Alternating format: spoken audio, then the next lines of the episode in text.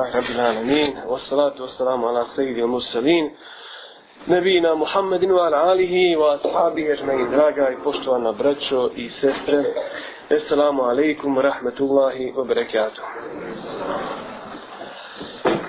Molim Allah Žešanu da sve što večeras čujemo, ako Bog da, da se okoristimo time i da nakon izlaska iz ove sale budemo, ako Bog da, još čvršći u vjeri, još bolji mumini, još veći muslimani. Um, tema je, neko će kazati, svjesni smo blagodati, kako nismo svjesni blagodati, šta treba više činiti nego kaza šuću na Allah, jel? šta treba više kazati nego hvala Allah, i mi to zaista svaki dan činimo. Nema dana u kome ne kažemo makar jednom alhamdulillah rabil alamin, u kome mu ne zahvalimo na hrani koju pojedemo, u kome mu ne zahvalimo na lijepom životu, finoj djeci, finoj suprugi, pa ponekad i suprugu žene zahvale. A, I mislimo to je to. Naravno, jeste, treba i verbalno zahvaljivati Allahu šanhu i treba e, i riječima to dokazivati. Međutim, je li to ta zahvalnost? Mi smo naslovili temu učeras kao e, upit u vidu upitne rečence jesmo li svjesni blagodati koje uživamo. Jesu li svjesni ti nijemeta kojima nas je Allah Želešanuhu obdario? Allah nam je darovao mnogo blagodati koje mi svakodnevno uživamo. Evo, hajmo jedno od njih nabrati. Evo i ovo je blagodat. Što imamo priliku u slobodi, ovako u velikom finom broju, u finoj atmosferi, progovoriti i javno spominjati Allah Želešanuhu i to je velika blagodat za razliku od prije 50 godina, 60 godina, za razliku recimo od nekih država i dan danas. E, kada bi vas pitao koje su najveće blagodati za vas, znam da bi većina vas govorila život, zdravlje i zaista to jesu blagodati porodica, djeca, imati djecu, velika blagodat, to znaju oni koji nemaju. Unuci, kada pitate dedi i nanu, šta im je najdraže, kazat će unici. Jel tako? Neće kada ni sva rođena djeca, nego unuci. I ja se još uvijek ne znam dok ne steknem unuke zbog čega je to tako, ali valjda, valjda zato što ovi naši roditelji nisu imali vremena za nas, a onda kad dođe u godine, kad su i oni kao ona djeca, možda su zbog te sličnosti draža im djeca, odnosno unuci. Zatim govor, vidite te blagodati govor, mi imamo mogućnost da govorimo za razlih recimo od onih koji su možda gluhonimi, niti e, čuju, niti mogu da govori. Čim mu spominimo, reste, alhamdulillah, hvala Allah, kad možemo da se sporazumivamo. Vid, Allah nam dao blagodat vida. Možemo da vidimo i sve boje, možemo da vidimo i sve face, sve ljude, mada bismo vrlo rado voljeli neke da i ne vidimo. Možemo dakle da čujemo ljepota. Ljepota također jedna od velikih blagodati koju nas je Allah Žešanu obdario. Sunce, vjetar, kiša, razum, vjera, itd. Sada kada bismo nabrali sve te blagodati, ne bismo im mogli nabrojati, kao što i kaže Allah Rešanu u ajetu koji je citirao malo prije, profesor Emir Demir. Vajim te udo nijamete Allah ila to suha. Kada biste htjeli nabrojati sve Allahe blagodati, ne bi im mogli nabrojati. Jednom sam na, čas, na času ahlaka e, tražio, kada je bilo lekcija, tako se zala zahvalnost na blagodatom, tražio sam od učenika da mi svaki od njih nabroji po stotinu različiti blagodati. 30 i nekoliko učenika, da svaki od njih nabroje stotine blagodati koji nije nabraja onaj prethodni učenik. I svi su nabrojali. I svi kažu, profesor ima još. I ja znam da ima još. 33 puta 100, eto vam 3300 blagodati. A znate u kojima se radilo? O blagodatima samo u razredu. Dakle, mi u razredu. I krenuli smo od čovjeka, od ozgovom.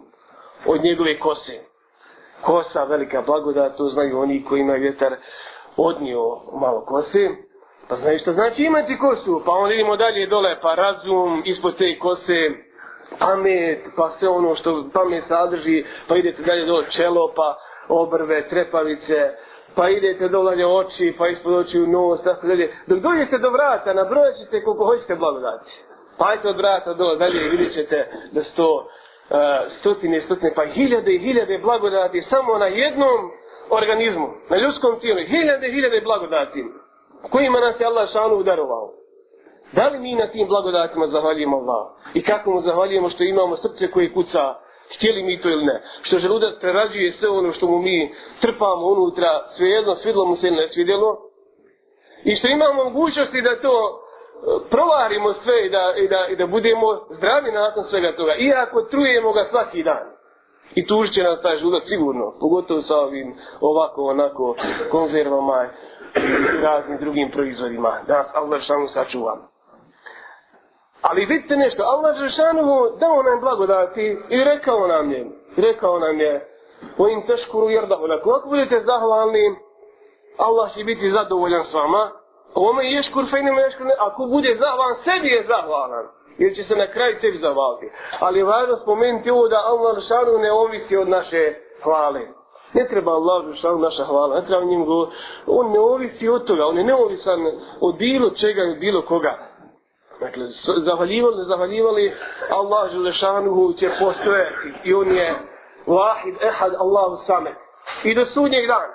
Nego ta zahvala I svjesnost blagodati kojima nas je Allah šanu darovao treba kome? Treba nama, nikome drugome. Ali vidite šta Allah šanu dalje nam ljudi kaže, vidite ezene rabbukum, la in šekertum, la eziden neko. Kaže Allah šanu, ako budete zahvaljivali, ja ću vam još dati. Još ću vam dati. Imaš para, fino živiš, a Allah kaže, ako budeš zahvaljivali, još ćeš imati para, ako ti je u parama, u novcu, tvoj život. Naravno, i pare nisu nama one mrske, treba voljeti pare to nije ni zabranjeno. I ashab um, eh, eh, Sejid ibn Musajjev kaže La hajra fi men la yuhibbu l-mala. Kaže, nema nikakvog hajra onom koji ne voli metka, koji ne voli para, pogotovo kad zašubonje onako pred nama, pa svejedno koja bila euro marka. Drage su čovjeku po prirodi stvari, I dobro je, dobro je da ima i toga. Problem je samo ako para bude u srcu. Sve dok je na srcu gore u košulji, ovdje u džepu, dobro je. Ali ako je u srcu, onda je problem. I ako ona ima tebe, a ne ti nju. To je jedna blagodat koju nam je Alšanu opet nas darovao da nam to bude sredstvo sutra ulaska u džennet. On kaže, ako budete zavaljivali, ja ću vam još dati. I mi ćemo vidjeti vjernika. I sinovi sam vidio jednog takvog vjernika. I to gdje u visokom sam našao jednog velikog mumina u gradu ovih, kako kaže, piramida. E sada velikog mumina radi u piljari, prodaje svaki dan ono voće i povrće. Onako, vrlo skromno, mi čak možda bi čak kazali i vjedno živi. Ali znate šta mi kaže? Hafize, ja sam prezadovoljan. Prezadovoljan. Svako jutro u četiri sata ustajem. Svako jutro, 30 godina u četiri sata ustajem. I ujutri kad ustanem u četiri sata, ja osjetim kako na mene nešto silazi. Kupe reket. Kupe reket. I on dobri, ja mi kažem, niti je Evlija. Obični radnik čovjek, ali kaže, osjećam taj bereket u svom životu. Ova para kojom ja zaradim ovdje pet varaka, one gdje se, svjestan sam da je to samo sredstvo koji mogu zaraditi džennet ili žehennem. Dakle, čovjek je svjestan te blagodati i kako zahvalja Allah žan tako što rani i onaj rani bereket jutarni koristi o kome nam govori poslanik Ali Islam. Vidite što nam još kaže poslanik Ali Islam. Allah neće prestati povećavati blagodati svome robu, sve dok rob ne prestane zahaljivati. Dakle, dok god mi budemo zahaljivali, i Allah Žešanu će nama davati. I čak je nazvao zahvaljivanje jednom od oblika imana. Da li si mumin ili nisi mumin, zna se po tome je li zahvaljuješ ili ne zahvaljuješ. Interesantno, Allah je podijelio ljude na dvije skupine. Kaže, inna hedejna u sebile, mi smo čovjeku pokazali put dobra i put zla. Ima šakiren, ko ima kefura. Ili je zahvalan, ili je čafir. Nije rekao ili je vjernik ili je kjafr. Nego ili je zahvalan ili je nevjernik. Dakle, onaj ko zahvalije, on je samim tim posebi, on je mumin, on je vjernik. Velika je čast, braćo i sestre, biti opisan šakirom, zahvalnikom. A to ne možemo svakome. Ne zahvalije svako. Allah zršanu. U se nešto šakirim, kaže Allah. Mi ćemo, mi ćemo nagraditi one koji zahvaljuju Allah zršanu. Međutim, imamo jedan veliki problem. problem. Allah Žešanu kaže, وَقَلِيلٌ مِنْ عِبَادِ يَشْكُرُ Veoma malo mojih robova zahvaljuje. A i šetan je obećao da će ljude odraćati sa pravog puta i kaže, وَلَا تَجِدُ اَكْتَرَهُمْ شَاكِرِينَ I vrlo malo ćeš naći ljudi koji će ti biti zahvalni. I to je tačno. To je tačno. I mi što mislim da zahvaljujemo, zapitajmo se dobro da zahvalimo. Pogledajmo malo kuranske ajete, pogledajmo malo primjere Sulejmana alaih salama, Ibrahima alaih salama, Muhammed alaih salama i veliki zahvalni Allahovi robova. Na koji način se on zahvalio Allah, Ako imamo ima oholosti u tvome ibadetu, u onom smislu ja sam to stekao, da ovih svojih deset prsti ja sam ovo, da nije bilo ovoga i tako dalje, nema tvoje zahvale ništa. Nek znaš da tvoja dobra djela i tvoja zahvala je poništena samim. Dakle, cilj iblisa je da nas odrati od zahvaljivanja Allahu šanu. Ali mi smo obično zahvalni kada? Kada je u naš prilog. Isto je kad se radi ljudima i kad se radi o našim gospodaru Allahu šanu. Kad nam ljudi valjaju, kad nam ljudi daju, kad nam ljudi pomažu, onda mi kažemo hvala, Allah te nagradio, nekad kažemo i tu, nekad ne kažemo, nekad kažemo neš, nečim drugim iza, izrazom tu. Jel, jel prekine ta, jel prekine malo da nam daje, Re, roditelj nek malo prekine svom djetetu davati džeparac, gotovo je. Najgori je roditelj na svijetu. Odmah djete pos, počinje postavlja pitanja, a šta sam ja to uradio, majko, pa ono me daješ sinu, a meni ne daješ čjerka, veli majke, ili obrnuto.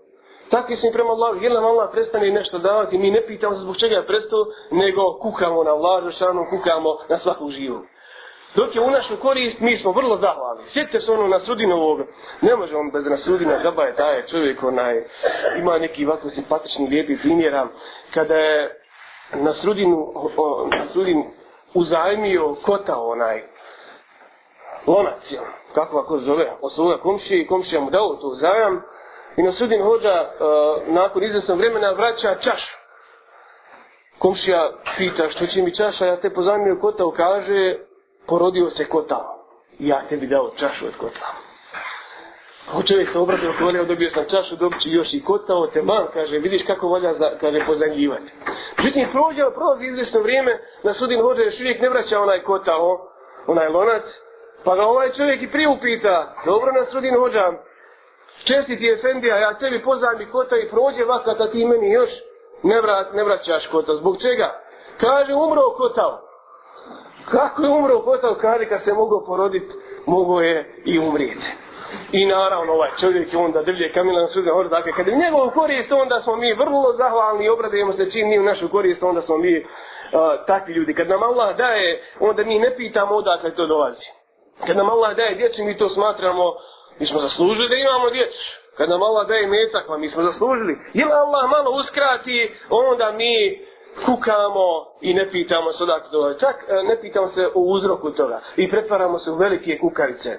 I znate ono u našem komšiluku svaki dan žena e, komšinca kod komšince na kahvi e, pa odhukuje jedna odhukuje druga uff draga ne može se ovako više napio još jednu kahvu uff draga kako je teško kuka i ona koja ima i ona koja nema zašto kuka ova koja im, nema jasno nam je međutim ona koja ima što ona kuka da ne bi ova druga od nje slučajno zatražila. Pa ona se nastavila na primjer u narodu, kaže, ne kuka kukavica zato što je to, zato što je teško, nego zato što je to pjesma. Dakle, pjesma i svi smo se mi pretvorili u kukavice, jedno da komšija ne bi slučajno zatražio od nas onaj, onaj kotao. I kad je to tako, kad Allah žanu daje i svijesti smo stvarno veliki, velikog primjera, evo i ovo nam Allah daje, evo i ovo nam Allah daje, sve nam Allah dao. Zbog čega mi to onda, Allahu ne padne mu na srce. Zašto ljudi ne zahvaljuju Allah Žešanu? Zbog čega robe ne padneš na srdu onome koji te stvorio, koji ti je život dao, koji ti je, koji ti je dao priliku da zaradi ženet, a nekome drugom možda nije, jer nije ga ni stvorio. Zbog čega mu ne padneš na, ne padneš na srdu? Razloga je sigurno mnogo. Jedan od razloga ovako Eh, možda interesantni zato što možda ne razmišljamo o tim blagodacima. Da mi razmislimo o ovom uhu malo i o ovom oku, možda bi onda i bili svjesni te blagodate. Nego mi to smatramo, to samo po sebi dolazi, zašto šta imam ja razmišljati o očima, šta imam razmišljati o kosi, šta imam razmišljati o kaži prstu, Allah stvara čovjeka sa pet prstu, a šta je da ti Allah stvorio sastavljenim prstu, lako je to nije, ali bez jednog prsta.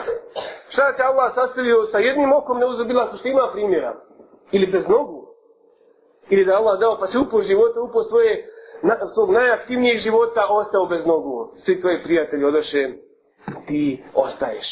Ostaješ u kolicima. Dakle, najvjerovatnije je zato što ne razmišljamo i nismo svjesni tih blagodati. Zato što smo se jednostavno nalikli na njih. Sunce će izla, izlaziti, bili mi živi, ne bili. Vjetar će duvati, bili mi tu ili ne bili, kiša će padati, bili mi tu ili mi uopšte ne zahvaljujemo na vjetru, a znamo kolika je uloga vjetra u našim vazduhu. Šta imamo ono razmišljati o vazduhu? A znate kako je teško kad nestane nam vazduha u tjesnoj prostoriji? Zahvali ja rabi, hvala ti kad si dao mogućnost da dišem punim plućima. Hvala ti ja rabi kad je sunce usjelo pa vidimo. Šta mislite da ova zadnja je stalno noć? Ili da je stalno dan? Pokušajmo nekada postaviti sebi pitanja, čisto hipotetička pitanja, jednostavno da vidimo kako bi bilo, kad bi bilo ili kad ne bi bilo. Šta bi se desilo recimo kada bi nam Allah uskratio samo jedan nijemet?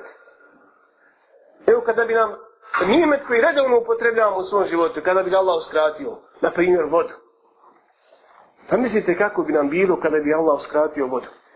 I nam to spominje u Kur'anu, suri, Tebareke, Mulke kad kaže kul ra'aytum in asbaha ma'ukum gawran faman ya'tikum bima in ma'in šta mislite ako vam vode presuše ko će vam tekuću vodu dati ko će vam pitku vodu dati znači, buš tiš svađiš komšić ko će nam dati pitku vodu mi pronalazim ono što je Allah dao jel? šta mislite kada je Allah skratio kako bi bilo bili bi mi svašta bili bi i žabokrećeni bili bi i ove ove prljave vode, sve je pile. A šta kad bi i njih nestalo? Kada bi Allah uskratio. Zato je, alhamdulillah, ja rabi, hvala ti na vodi koju su nam dao. Jer nam teško to ukazati kada onu, onu čašu primaknemo i kažemo, bismillah je, onda kažemo, ja rabi, hvala ti, pogledat malo, pa razmislite o bijeloj, tekućoj, finoj vodi. Jedan njemet, jedan od milijun njemeta. Od nas se samo traži da budemo zahvalni. I kada pijemo da znamo da je to od gospodara svjetova. Šta mislite kada bi Allah Evo kada se radi o običnom hodu, ujutru kada ustajemo iz postelje, po inerciji mi stajemo odmah na noge. I tako, šta mislite kada mi krenemo da stajemo na noge, ono noge klesnu i mi padnemo. I ponovo pokušaj, ponovo padneš, ponovo pokušaj, ponovo. I ti zatičiš šta? Nešto nije s novim nogama u redu. Koga ćeš prvo okriviti? Nekog drugog, odmah. A i ti kada zahvali ujutru, kada ustaješ iz postelje, pa rekao, hvala Allah, Žešanu, koji nas je oživio nakon što nas je bio osmrtio. Hvala Allah za šanu koji je dao da doživimo novi dan u zdravlju i veselju. Vrlo kratke, jednostavne riječi, spomenute u dovama poslanika, ali sa, i, i poslanik nam to kare, da redovno učimo, to je jutarnji večernji zikr. Mi ćemo kada, ma lahko je to, normalno, sam zdrav ustać ujutru. Ništa nema lahko dok Allah za ne učini ga lahkim. Koliko je jednostavni rutinski operacija završilo neuspjehom i smrćom? I kao sve po crijevo, pa to je lako, kaj to je rutinski, to kaže doktore, sad sad radi. Jeste, a koliko se ti operacije inficirao, pa čovjek umre. I Mehmed Handić, rahmetli, naš čuveni Alim je umro od posljedica infekcije slijepog crijeva. I mnogi drugi, vrlo laka i rutinska operacija. Koliko žena ode na operaciju, koliko žena ode da se porodi, Pa kako je lahko, deveti mjesec, maša Allah, sve u redu, ginekolog kaže koji je vodio, sve u redu, ti ćeš hajili se poroditi. I ona ode, ni bismila, ni ništa. On se iskomplikuje, djeca se preukrene, u zadnjem momentu Allah zadnje djete umre i nekada i majka umre. Koja majka prilikom poroda uči ovu dom? Prilikom bilo kojeg poteza. Allahume la sehle illa mađe altehu sehlen. U ante teđe alul hazne ili hevne u drugom, u drugoj predaje. Ida še'te sehla. Ja rabi, nema ništa lahko dok ga ti ne učiniš lahkim. I najlakšu stvar ti opet možeš učiniti lako. I to je jednostavno dova. Evo nam večeras, ako ništa drugo ne koristimo s ovog predavanja, ham makar ovu dovu zapamtiti. Allahumma la sehle illa ma džalte u sehlen, u anke teđalom hevne i da šehte sehlan. Kad znači, ide učenik na ispit, ide čovjek na posao ujutro, sjedaš u auto, ideš da obaviš neki posao, ideš kod nekoga funkcionera, ovi što se umislili, da se bogovi ne uzbirna. Pa kažeš, Allahume la sehle illa mađa u te usahlen, wa ante sehle l'hazne i da šehte sehla. Ti proučio slone sam lažu šanuhu i dokazao samo u sebi da ne može biti, ne, ako Allah ne olakša, neće nići glatko. Ako Allah olakša, iće glatko. I sjećam se primjera jednog vladara i sluge. Vladar i sluga, vladar je od svoga sluge tražio čašu vode. I sluga mu je donio čašu vode, ljutim rekao mu je, čestiti vladaru, mogu li te upitati nešto prije nego popiješ tu čašu vode? Kaže, Bujrum, žednju vladar, će što prije popije vodu. Kaže, čestiti vladaru, kada bi ti neko zabranio u čašu vode, koliko bi mu dao od svoga imetka? Kada ne bi dao, kada pa ti ono je moguće da piješ. Kaže, Boga mi dao bi za čašu vode, gledao nju, dao bi za čašu vode, pola svog bogatstva. Dobro, a kada bi ti popio tu vodu i ta voda ostala u tebi, dakle, ne bi imao mogućnost da izbaciš kroz mokraćenu mjehu ili kroz mokraće, mokrenje, kada ne bi mogao da im, nešto se iskomplikovalo. Allah dao tako i ne može voda na, napolje. Koliko bi dao onda bogatstva i imetka svog. Kaže, Boga mi zato bi dao čitao svoj imetak. Eto, kaže, čestiti vladar, koliko vrijedi tvoje bogatstvo. Tvoje bogatstvo ne vrijedi više od jednog mokačnog iscijetka. Eto šta je imeta koji imamo u odnosu na blagodat mokre, normalnog mokrenja. Koliko ljudi ima problema danas s tim? Ljudi zahvalite Allah, ili makar kada se radi pogotovo u muškarcima, makar radite onako ako je poslanik radio, čučeće, ne stojeći. I zahvalite Allah nakon izlaska iz WC-a i ulaska u WC proučite one dove. Sve su te dove u cilju zahvale Allahu, a i zaštite u, isti, u istom vrijeme od džina i šeitana. Da vas Allah sačuva njihova zlaka. Dakle, pogledajte koliko vrijedi bogatstvo, a koliko vrijedi blagodat koji Allah Žešan daje ukoliko normalno funkcioniše. A samo on može učiniti da bude lahka i da sasvim normalno funkcioniše. Ima ljudi koji sebi pripisuju blagodati. Ima ljudi. I to je jedan od razloga što smo nezavalne. I pripisujemo mnoge blagodati sebi. Mi što smo lijepi, što je neka djevojka lijepa, ona to pripiše sebi. Pokaže, ja sam lijepa zato što ja znam sebe, naš minka, ti dotjera, ti je Um, uđe izjeti, uđe tako dalje. Pa je, jesna li ko te je stvorio tako? Mi pripisujemo sebi, znate ono kad naše biznismene pitate, maša Allah, za deset godina ti si postao veliki bogataš, sposoban, vrlo sposoban i stanemo ga faliti, onda on kaže, vidiš ti, kaže, onda on tebi, ona psička minuta, kaže, vidiš ti deset prstiju, pa onda malo zastani, da ti gledaš ti. Sve sam ja stekao zahvaljujući ovih deset prstiju. Nigdje la i kaže, zahvaljujući svoj domišljatost i zahvaljujući svom znanju i zahvaljujući ovome i onome. I na kraju neko se sjeti i kaže, šuće Allah. Na kraju kaže, šuće Allah. Gdje pa ti je Allah, dragi moj biznismenu, koji ti može u tren oka sve to odnijeti. Isto, ovi naši neki biznismeni posjećaju me na Karuna. Da Allah što mu sačuva nas, takvi primjera. Ali zaista imaju ti neki osobina. Znate koji je bio Karun? Karun je bio ministar u faraonove vladi, ministar trezora. I znate koliko je on imao bogatstva? On je imao bogatstva e, koje neće moći ni Bill Gates nikada možda dostići. Kaže Allah šanu wa atejnahu minel kunuzi ma imen mafatihahu na tenu u bil usmeti minel kuba. Mi smo kaj toliko bogatstva dali, da je skupina ljudi samo ključeve od njegova trezora moralnosti. Skupina ljudi je samo ključ od brave mora, a šta mislite šta je tek unutra i kolika, kolika, kolika je ta kazna, kasa bila i koliko je unutra tek i metka bila. Znate šta je Karun rekao, odakle njemu to, kaže, innama u titu ala ilmin indi. Kaže, ja sam to stekao za onaj svom znanju. Slično govore i ovi naši danas. Nema Allah za šanu. I šta Allah na kraju kaže? Fahasefna bihi u obidari Kaže i njega i njegov imetak mi smo sa zemljom sravnili. Gdje je Karun? Gdje je Faraon? Gdje je Tito? Gdje je Kardelj? Gdje je Moša Pijane? Gdje su svi ti moćnici veliki? Nema nikoga. Ostaje samo Allah Želešanu. I ostaje istina jedina. Nikakva ova bogatstva nema je koliko ne budemo zahvaljivali. I jedino što će nam sutra na svim danu i koristiti jeste, jeste zahvala Allah Želešanu. Koliko puta čujemo od učenika, pa i na našoj medresi, Kada nije bilo tog profesora i da mi nije poklonio ocjenu iz Akajda, ja bi, kaže, pao. Da nije bilo Muhameda Mušimbegovića pa mi poklonio ono dvircu na fiku, ja bi pao. Nema Allah, i još uči u medresi. Jel tako? I to se dešava. Pojeni su ljudi, znaš. Dešava se to svagdje. Nemojmo nikome pripisivati drugom blagodat za Allah. Vama biku mi nijemetin famin Allah. Sve blagodat koje uživate su od Allah, Želešanu.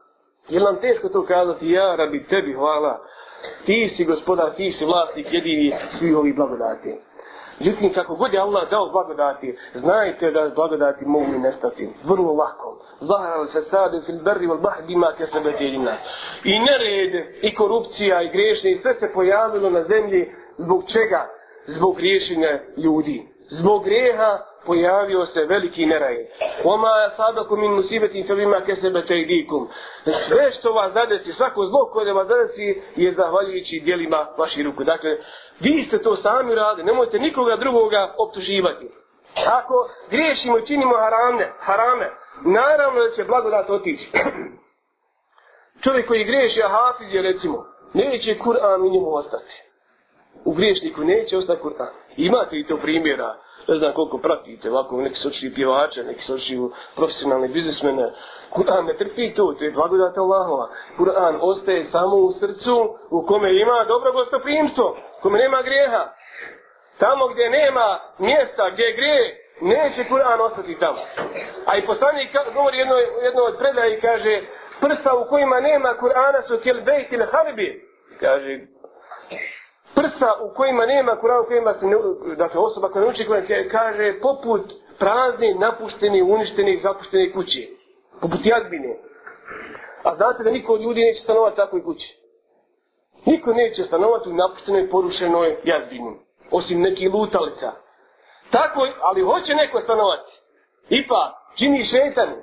Tako isto i ovom ljudskim prstima. Ako nema meleka, ako nema Kur'ana, Nastavit će se oni drugi da nas Allah sačuva njih, a to je druga tema, jednom sam pričao, nećemo sad o tome.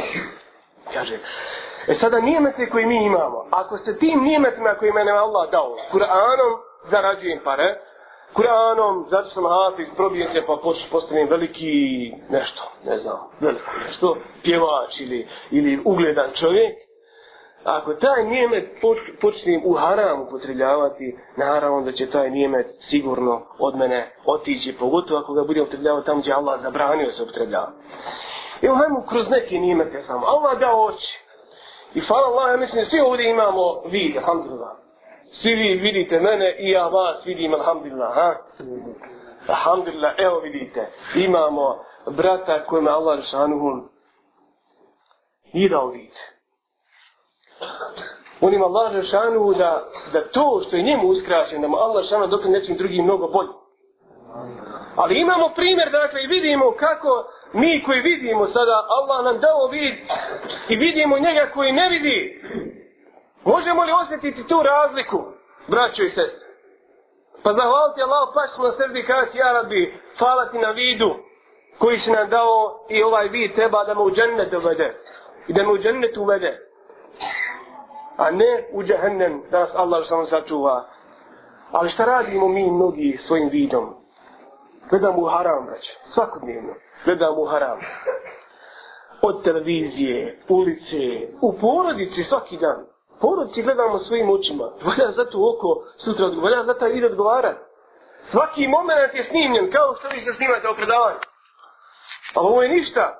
Ovdje se može i isjeći predavanje. Na onoj ahireskoj traci ne može ništa. Imaćeš sve kad si namjerno pogledao, a kad si uklonio pogled. Kad si ga radi Allaha uklonio, a kad si zato što je tvoj kolega koji je do tebe burno te lako pozio do tebe. Pa što si, što si zagledao se u onaj CD, centralni dio tamo. Ona je naišla neka, znate ono danas, da ulažem samo sačuvala na sve nas. Ove žene, ove žene, one kažu, neka halale žene, ali zaista, ovo me, ovo me ljuti, ovo me ljuti pravo, kažu neki dan na televiziji, ugrožene. Opet ženska prava ugrožena, žene ugrožene. I zaista u jednom pogledu jesu. Imate vi muškaraca, da se tako izradim, krkana koji zaista ne znaju poštivati ženu. Međutim, e, sa ovakvim ponašanjem većine žena u Bosni i Hercegovini i izazivanje, konstantnim izazivanjem i naših pogleda i naših strasti i nas kao muškaraca, Ja ne znam ko je više ugrožen ovdje. Ljudi koji svakodnevno gledaju sve misice do misice, pa vi su kako poznati po im misicama ovdje. Ne, ne. Teško se odupreti, teško se odupreti, teško je taj pogled zaista sačuvati. Zato za njega slijedi velika nagrada. Ja mislim da su, da su ugroženi i muškarci u ovom vaktu nego žene kad se, ra, kad se barem radi o ovim stvarima. Dakle, idemo dalje, sljedeća blagodat je i metak. Allah dao i metak da njime zaradi ženet, da ono što imaš para u džepu da udjeliš na Allahom putu, da sve pošlješ na hiret. Da kroz ove dunjaločke banke koje se zovu sadaka, džamija, medresa, put, bolnica, student, siroma i tako dalje, sve su banke, sve su otvoreni računi, da sve pošlješ nešto na hiret. Kad tadneš ti jesi pomogu brata muslimana, ali ti sve poslao. Imaš, imaš kamatu na to. U analizi nauk kamatu kod Allaha 10%, ovoj banki daju manje 7%. Desetorostruka nagrada, dadneš Marku, Sinomau, imaš deset ako si ispravno nanijetio. I ako sam nijetio, ti Allah šalom to upiše u dobra djela. Ali sve što dajem, dajem, a zato Allah daje imetak. Ne daje nam imetak da nas odve u, u, u džahennem. Mada ima i takvi koji će to raditi. Ali Allah dao izbor. Ko hoće ovo, budu. Ko hoće ovo, budu. Femen šajfer jukmin, omen šajfer jukmin. Ko hoće nek ne vjeruje, ko hoće nek vjeruje. Dakle, u Allah Žešanu, u demokracija po ovom pitanju. Ali ti si izabrao, to je ta slobodna volja ljudska, ti si izabrao uh, svoju, uh, svoj konačni ishod. Sljedeća, dakle imate među nama koji troši na ove sportske kladionce, sad ne trkamo, na žene, pogotovo ovi neki ministrići, ovi, znaš, on, malo vlasti, Allah mu dao polno pa odmah, ima on sekretarči, ima on neki, znaš, moćan čovjeka i ove žene padaju neki na to. Uh, Ima ti i ovi koji se nalaze na putu od Lašve tam do Travnika i oni od Sarajeva do, do Visokog i tako dalje. Dakle, biznis, biznis na sve strane. Sloboda. Imate tijelo. Allah šanu dao tijelo kao veliku blagodat. Dao ti da imaš sve normalno. Pazite, znači što znači imati sve normalno na svom tijelu. I normalno pasti Allah na srti. I normalno se kretati. I ne biti obilježen u ovom svijetu u kome živimo. Biti normalno ono što mi kažemo pod navodnicama, mada ovo je diskutabilno, ovo je pitanje, može se tumačiti još šta je, šta je normalno danas. Ali evo, biti normalno u ovom smislu imati sve organe ispravne na tijelu. I sad to svoje tijelo koristiti u blud, iti, ići njime i krasti, rukama koje je Allah dao ići krasti, ići pušiti, dakle, držati sa dvije, dva prsta cigaretu i unositi u tijelo koje ti je Allah dao i za koje će sutra odgovarati, unositi cigaretu. Otkud nam pravo da uništavamo ono, možemo postaviti ovo pitanje, otkud nam pravo da uništavamo ono što nam je na Allah Rešanu dao? Što nam je na Allah Rešanu pozajmio? Ono što nije naše. U tijelu koje imamo, nije naš. Mi ga privremeno koristimo. Allah ti ga dao, Allah ti ga oduzeo u zemlju ga. Ode dole u zemlju, istruhne i postane ništa ko što je bilo nekada ništa. Dakle, pozajmio nam Allah Rešanu tijelo, kao što je poznanje sve ostale stvari. A znate kako se sa poznanjenom stvari raspolažem? Dakle, kad ti neko nešto pozajmi, očekuje od tebe da mu to uredno i fino vratiš, je li tako? Ako slučajno ono auto koje ti je pozajmio kolega malo kljucniš, razbiješ, šta će biti? Valja pretrpiti, pretrpiti sve one kritike. A ponekada Boga mi moraš i platiti oštetu. Ponekada Boga mi zategne se ovako pa i ne pričate više godinama. Samo zato što se možda na žmigavac razbiju. Eto kako si ljudi. A kako ćemo vratiti Allahu poznanjem tijelom? Uništeno rakijom, duhanom, ne znam, krađom i Bog zna čime raznim drogama i čime sve ostalo. Poznanjeno je to i valja ga vratiti u sasvim ispravnom stanju. Stvarni vlasnik svega je Allah Žešanu, a ne mi braće srce. Sluh! Sluh, što će razmišljati toliko uho sluhom? Boga mi to je nijemet veliki. Znate kako znači, pokušajte malo biti bez dva nijemeta samo. A pokušajte pola sata vježbati. Danas postoji razni vježba. Pokušajte pola sata vježbati bez očiju, bez vida. Zažmirimo i radimo sve stvari koje svakodnevno radimo normalno. Kao što i inače radimo kada gledamo. Pokušajte se naviknuti pola sata samo bez vida, pa vidite kako onima koji nemaju 24 sata vida. I onda ćete znati, pa vidit ćeš onda kad, a pogotovo kad voziš auto, pokušaj zažmiriti i voziti auto bez vida. Izgubit ćeš i život, i porodcu, i sve, i vjeru možda. Pokuša, nek majka pokuša, domaćica nek pokuša prati suđe bez vida. Pa nek vidi kako je bez vida. Pokuša je bez vida ići ulicom, pa švid, onda ćeš udariti im. Onda ćeš zalijepiti, onda će bojom uvjero pasti iz posta. Samo pola sata. Pokušajmo bez kluha biti pola sata. Pa ćete vidjeti kako je bez tog njemeta. A svakodine ovim sluhom, dozvoljavamo da u njega ulazi i ogovaranje, i prenošenje tuđih riječi, i psovka, i razna muzika. Selma Bajrani, kako tijelo Selma ima i tako dalje, pa nam bude, bude nam i lijepo nekada, pa pogotovo ona i pogled kad se basi na tijelo, samo kako ona uvija se i tako dalje. Ta Selma može nas koštati i vjere i živote i, i džahnama. Nas Allah sačuva. Allah kaže inne sema wal basara wal fuade kullu laike kan anu mesul i sluh i vid i razum i pamet za sve ćete sutra odgovarati za sve valja dati djevab tog i tog dana u slašarni to i to pričali su ljudi to i to a ti se slušao to i to nisi ustao, nisi reagovao nisi se pobunio i rekao ovo nije priča za mene, ja odo odam nego mi volimo, šeta nam to uljepšava ljepša kad mogu ti šta fali. Ugovor ti ono, gibe ti onoga. To je toliko nama slatko. I teško je to, teško. To je vaka, braći i srce, veliki džihad. Ne mislim ono sufijsko, ono, ne, ne upoređujem se, ne ulazim u to. A zaista je velika borba danas. Sačuvati svoj vid i sačuvati svoj sluh. Sačuvati razum i ostati pametan u ovom svijetu u kome živimo.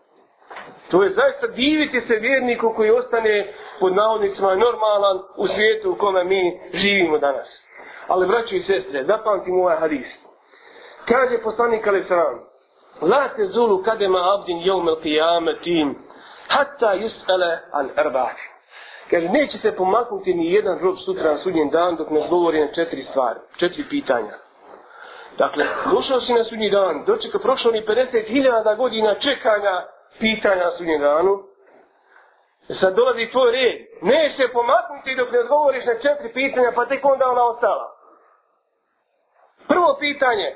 A na umri hi fi ma O svom životu, u što si ga potrošio? U što si svoji 40, 50, 60, 70, 80, 90, se može ima i 100 godina. U što si ih protračio? U što si ih proživio? Prvo pitanje. On je odgovoriti, ja rabi, u to, u to, i ti ćeš onda nabrajati. Ali neš ti govoriti, ne govori tvoj organ. On će govoriti, u što je tvoj život prošao. Nekome u kafani, nekome u vlasti, nekome sa ženama, nekome u teškom radu, nekome u poslušnosti, Allah za šanu. I to će svjedočiti prsti koji su subhanali, to će svjedočiti i koljena koja su padala na srdu. Dakle, nećemo mi moći, zato budimo iskreni. To je prvo pitanje. Drugo pitanje je ana ilmihi ma da amila bihi o znanju koje je stekao i šta je radio s tim znanjem. Pa jedno je steći samo diplomu, a drugo je raditi po toj diplomi to znanje. Nas ima danas diplomirani ovi i oni, milion magistara, doktora, hafiza, diplomirani ovo, diplomirani ono, diploma ako koji ste za. A koji je od nas diplomirani kod Allah za To je pitanje ali zaista neće biti osim diplomama. Ano, diploma je, jest potrebna danas, to je sredstvo, ali Allah će pitati jesi li radio po onome što si učio. To će vam biti pitanje. I jesam li prenosio ono što sam znao. Treće pitanje, u an malihi min ejnik te sada u ofiji men fakahu. Kaže, bit ćeš pitan svojim metku prvo kako si ga stekao, a onda ušte si ga potrošio. Dakle, ne samo ulaz, kako si ga stekao, nego izlaz. Dakle, Marko zaradio danas, kopajući kanal, čisto pošteno, potrošio na svoj porodicu. Hvala, vrlo lako dati odgovor. Marko zaradio u sportskoj kladionci, na lutriji, ukrao, Raiffeisen bank obio, A, B, S ili ostale, mada i ove pljačke sad postao nekako, su veli posve. Ona je. Valja odgovoriti kako je došla ta marka. I ne ponižavajte nijednu marku. Marka u cigaru, marka u alkohol, marka za onaj listić. Nije to za poniziti, marka po marka. Sve je to novac kod Allah, sve je to imetak. Valja odgovoriti kako je došao i onda u što je opet otišao. I četvrto pitanje, braćo, van džismihi, fima je vlahu, i bit ćeš pitan o svome tijelu u što si ga potrošio, kako si sa njim raspolagao. O tijelu, o svakom dijelu kože, o vidu, o sluhu, sve što čini tijelo, bit ćeš pitan kako si sa njim raspolagao i u što si ga potrošio. I vrlo je interesantno postaviti pitanje, braćo i sestre, šta će biti odgovor nekog alkoholičara? Kome je uzrok smrti bila jetra? koju je on uništio svojim alkoholom.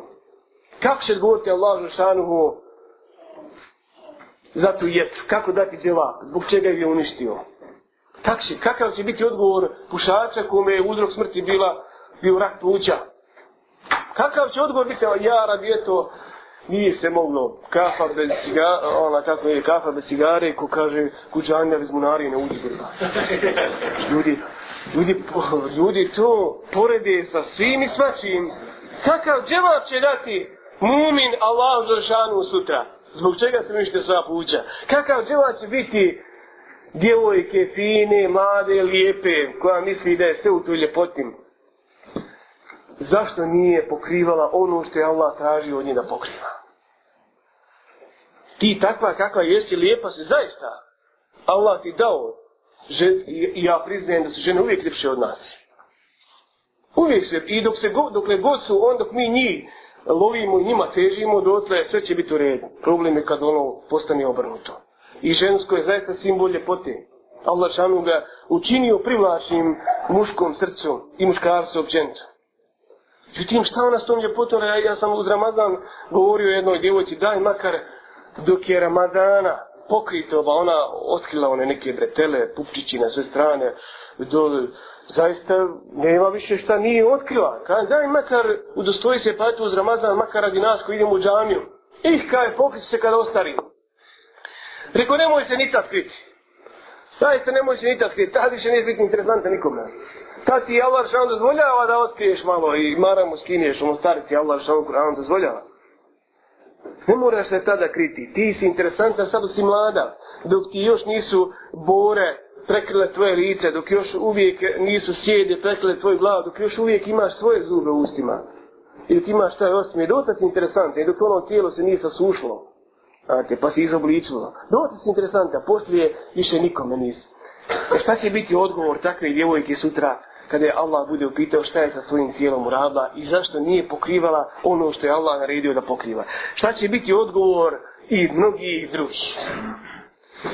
Tri sam pitanja postavljate. Vi postavljate sad sebi redajte odavde dok će kako ćete. I živite u tome.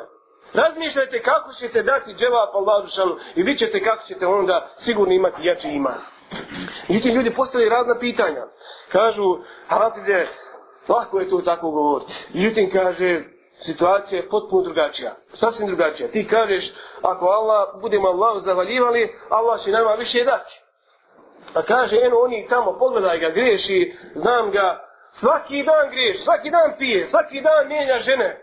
A on vozi i kaže, Mercedes o okunju, kaže, ja vozim Golfa dvojku. A ja padam Allahom na srdu, a on ne pada. Kako to, kaže, to, kaže, nije to priča koju se kaže, Pa ima kontradikcije kad u tom govoru velio meni Avze. I zaista to je tako, jel? Ljudi imaju pravo da razmišljaju. Međutim, poslanik Ali Islam odgovara nam i na to pitanje, pa kaže, inna Allahe la yumli li zalimi, hatta ide hadahu lemi juflithu, kaže poslanik Ali Islam, kaže, kada vidite da Allah, ne, kada vidite, kaže, Allah pušta nasilniku i griješniku da čini šta hoće, do određenog roka, Puštamo Allah. Onaj kome je u srcu Mercedes okunja. Alkohol, droga, žene, nemoral. Dakle, Allah ga pušta. Ti što izabru. Ali će to biti uzrok tvog odlaska u džehennem. U tome je odgovor svima onima koji ovako razmišlja. Ali kaže, kad ga Allah Žešanu uzme, neće ga pustiti. Zatim je proučio na ajed. Ok, zalike, ah, zrabike, ide, ah, dar kurao, i Eto, tako, gospodar, tvoj, kažnjava, kad kažnjava sela i gradove koji su nasilje se prema, prema sebi činili.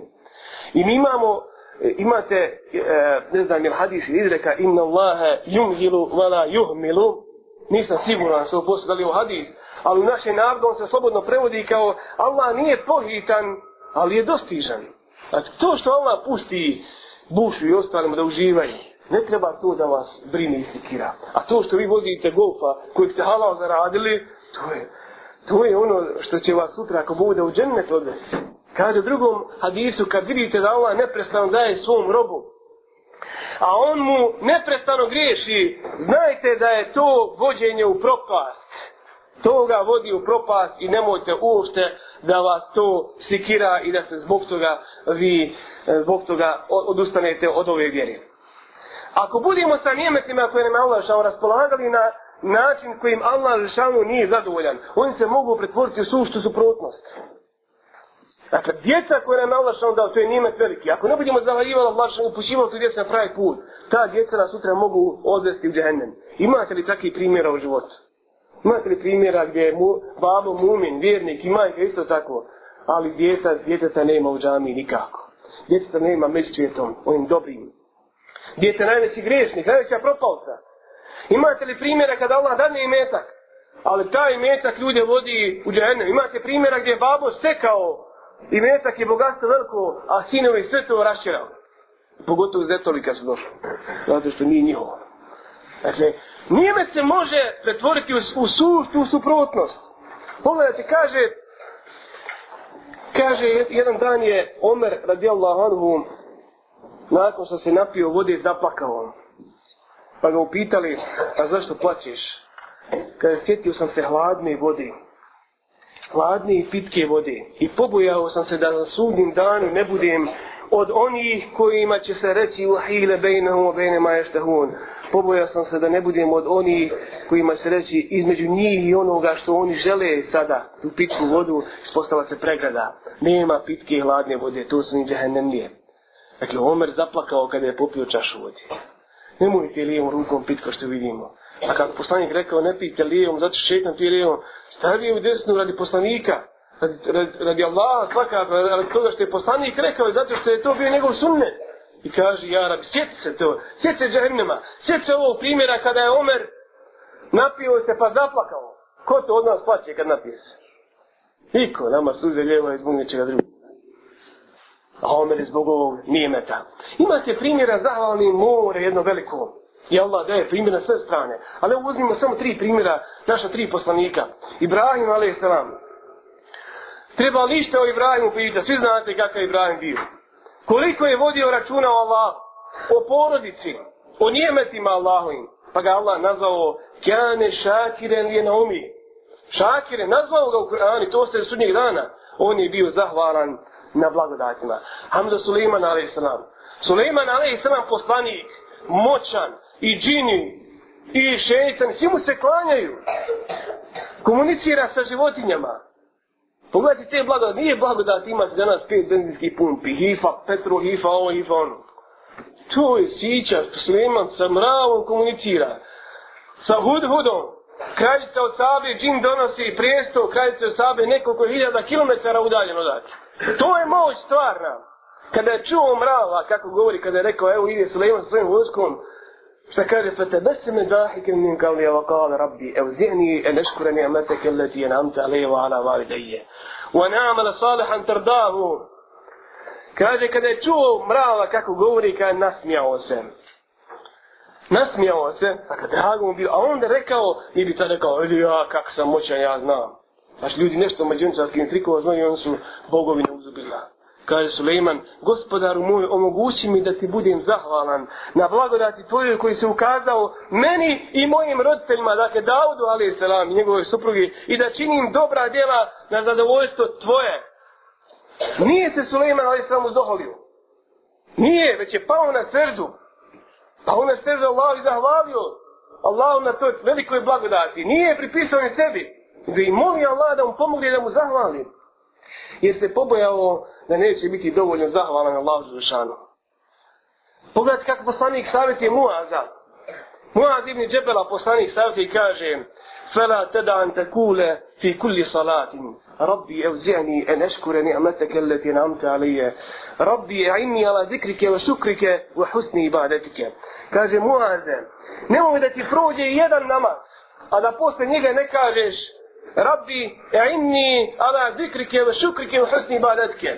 Dakle, nakon svakog namaza, evo kratka dova, zapamtite i nju. Ja, rabbi, pomozi mi da ti budem zahval, da, da te spominjem. Pomozi mi da te zikrim, da te spominjem. Pomozi mi da ti budem zahvalan i da ti na najljepši mogući način ibadet činim. Dakle, mi molimo Allaha da nam Allah pomogne da mu budemo zao. Zato što čovjek se zanese. Ne zna čovjek uvijek ne zahvaliti. Evo, evo i, i, vi sami sad kad vas pitao kako od vas zahvaljuje. Većina bi nas rekla, eto, ja radim to, tako zahvaljujem, ja govorim, tako zahvaljujem, to jeste. A daliko moli Allah da mu pomogne, kao što je Suleiman, ali sam kao što poslanik Muhammed, ali sam savjet i muaza. Jari, pomozi mi da budem zahvalan. Isto kao što u jednoj pjesmi, ovi što pjevaju ove pjesmice, Kaže, pomozi mi da te volim, jel? Momak govori cu. Zašto traži od nje? Znači, da, upravo to govori o ovoj stvari. O, dakle, mi smo nekada u potrebi da nam neko pokaže kako da budemo zahvalni i da nekoga volimo. Mada ne, ne mogu poreti ni, ništa sa Allahom Žešanu i poslanika, ali sa Islam. I nekada, kada imate neki, neki nime, neku glavnu auto, kažete, hađa min fadli rabbi, li je bluveni eškure metvur, ovo je blagodat moga gospodara koji hoće da me iskuša, da li ću mu biti zahvalan, zahvalan ili nezahvalan. Sjetimo se poslanika, treći primjer, Muhammed a.s. Muhammed s.a.v. Klanja dokle, sve dotle dok, dok mu noge ne počnu oticati. Toliko dugo klanjao na večer. A oprošteni mu grijesi, koji je imao, ako je imao prije poslanstva i oni koji bi eventualno mogli doći poslije. Sve mu oprašteno, a on satima klanja, noge mu počele otcati, isto koji nama što otiču. Nam otiče nešto drugo, ne noge. Od sjedinja, silmo, televizije, razgovora i tako dalje. Poslanik otiče noge od, pri, od, od, od razgovora sa Allahom, od klanjanja, od ibadeta. Ulazi Aisha i kaže, zbog čega to činiš kad ti je Allah oprostio sve i prije i poslije? A on odgovara, efala je kune, abden šekura, zar da ne budem zahvalan Allaha u rob. Treba li poslaniku zahvalnost? Allah mu obećao džennet. Ne treba, on kaže, zar da ne budem zahvalan. Dakle, toliko nime ta Allah mi dao da me umet slijedi. Izabrao me, odabrao me. Kako da ne budem zahvalan Allahu Žešanuhu? Kako mi to zahvaljujemo na djetetu? na zdravlju, kako zahvaljujemo na uspjehu nekom poslovnom ili ovom naučnom tako dalje. Sve će ovo, braću i sestri, nestati. Sve će nestati, valja nam na hire doći. Kome nije jasno kolika je blagodat, razum, pamet i biti normalan, neka ode malo Jagomir. Znate, gdje je Jagomir? Gole su oni za koji naš narod kaže ovako malo. Znaš. I to vrlo ružno, da mi Allah oprosti. Ali narod kaže, to su oni kaže, koji su pošandrcali kome nije jasno kako, šta znači imati zdrave ruke i noge, neka ode u najbližu bolnicu, neka ode na bilo koju hirurgiju, neka ode u zemčku bolnicu dole u podrumu, neka vide kako žive oni dole kojima nešto fali od blagodati. I tad ćemo se uvjeriti šta znači blagodat jedna. Ja se moram vratiti naše stare koje često hvalim. Zaista su naši stari dede i nane, znali biti zahvalni Allah. Ja sjećam svoje, e, svoje nane i svoga djeda i svoje majke, rahmetullahi alihi. Koji su nas učili da na onoj mrbici maloj budemo zahvalni Allah. Za ono sinijom kad jedemo, pa kad padne ona kada mrbica, kaže, uzmi je sina i svaka, svaka ta mrbica plaće. Bilo kao djeci interesant kako će mrba plakati. Sad mi je to jasno. To je nije me te blagodat, sutra ta mrvica može da da bude protiv mene na sudnjem danu, pogotovo ako se me gazio i ako je nisam zahvaljivo Allah ulišao na te mrvici. I bili su zadovoljni svi za jednom sinijom, 14. je bilo u jednoj porodici. Svi nasmijani, otimo se za onu, kako je zovu, na, u tenđeri sutlija, pa ono na kraju mi smo zove to greba, zato što se grebe ovako. I to nam bilo interesantno i opet svi nasmijani bili.